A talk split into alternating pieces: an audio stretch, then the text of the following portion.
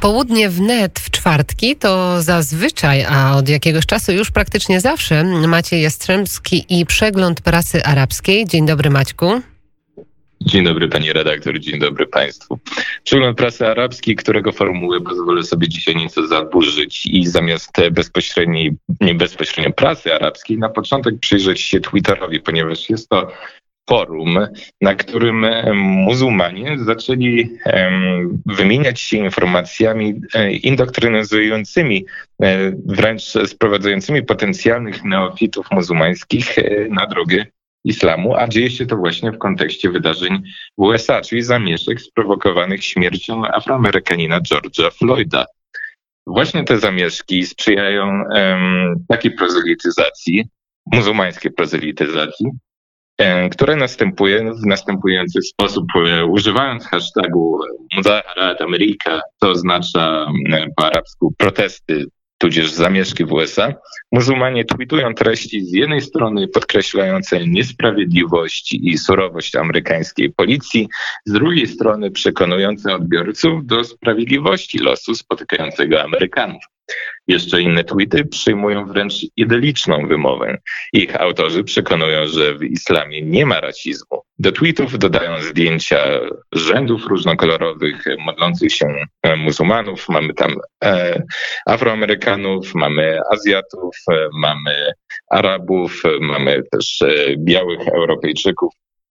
E, I takimi właśnie informacjami dzielą się na Twitterze kolejni użytkownicy Twittera, opublikowali ostatnio wideo przedstawiające grupę czarnych kobiet stojących naprzeciwko kordonu policji blokującego wstęp do budynku użyteczności publicznej.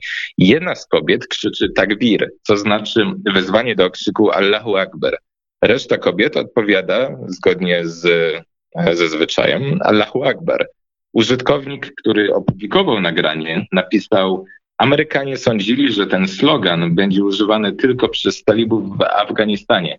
Teraz amerykańscy protestujący intonują takbir, Allah, takbir Allahu Akbar w Ameryce. Inna e, wiadomość, jaką zauważyłem na Twitterze, pochodziła od użytkownika Haider Ali, który zatweetował zdjęcie przedstawiające amerykańskich żołnierzy w Afganistanie i Iraku oraz zdjęcie powietrzne przedstawiające pomnik Waszyngtona skąpany w czarnym dymie i płomieniach. Dopisek po tym zdjęciem brzmi następująco. Ameryka podpala Amerykę. Można tutaj wyczuć trochę żółci w tych informacjach.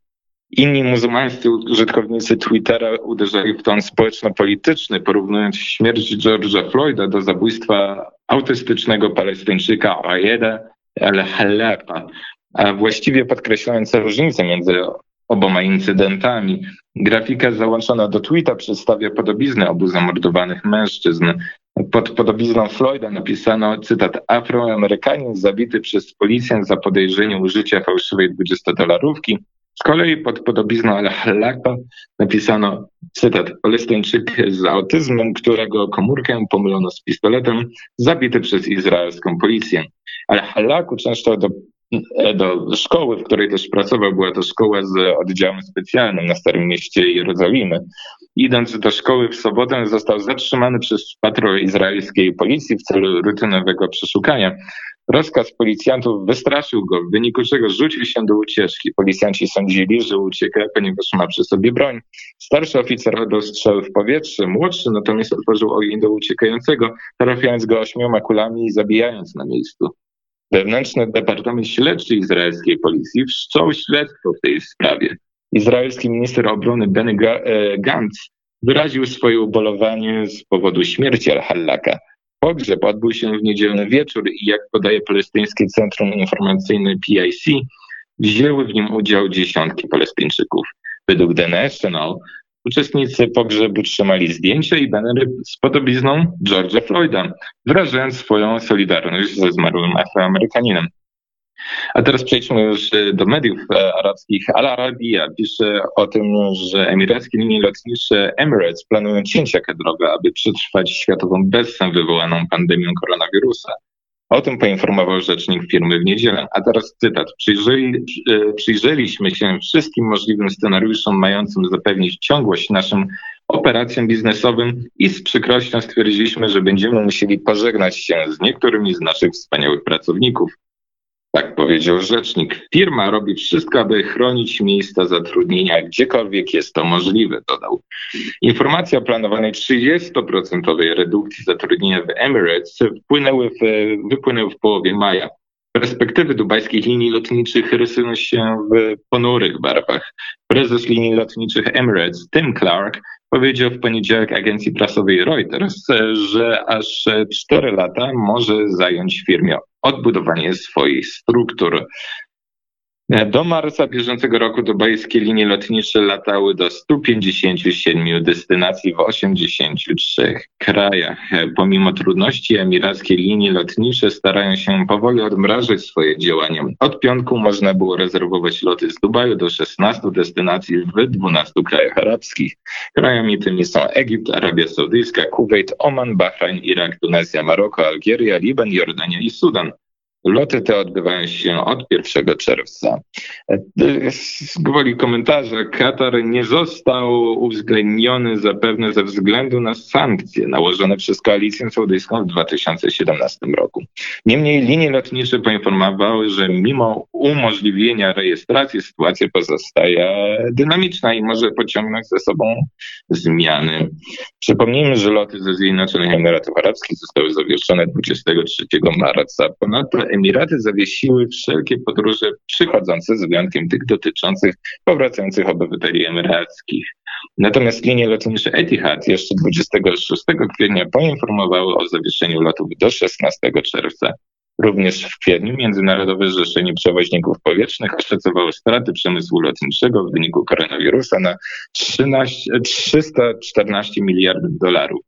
I teraz zarysuję jeszcze ostatni news o którym, o którym pisała agencja Reuters. Dotyczy on śmierci 70-letniego Rohingyanina poddanego terapii w obozie dla uchodźców Cox Bazar w południowym Bangladesz. Chodzi o terapię e, przeciw koronawirusowi, rzecz jasna. Od czasu wykrycia pierwszego przypadku COVID-19 w tym obozie 14 maja bieżącego roku 29 Rohingyan zostało zidentyfikowanych jako nosicieli koronawirusa. Jeśli chodzi o szczegóły będzie można je przeczytać na stronie wnet. Ja tylko zarysuję jeszcze warunki panujące w obozie, w tym obozie UNHCR. Otóż na jeden kilometr kwadratowy przypada od 60 tysięcy do 90 tysięcy Rohingyan. Przeludnionym obozie dostęp do wody jest wspólny, toalety publiczne, a współdzielone są też pralnie, więc pracownicy obozu obawiają się, że jeżeli dojdzie do rozprzestrzenienia się tam wirusa, to może skontrolowanie go i ukrócenie jego rozprzestrzeniania może być niemożliwe. Kim są Rohingya? Ta muzułmańska grupa etniczna napiętnowana przez rząd Mianny o tym można się dowiedzieć z tekstu, który niedługo zostanie umieszczony na stronie Radia Wnet. Ja dziękuję bardzo słuchaczom, dziękuję pani redaktor i kłaniam się. My również dziękujemy. Maciej Jastrzębski jak co czwartek z przeglądem prasy arabskiej.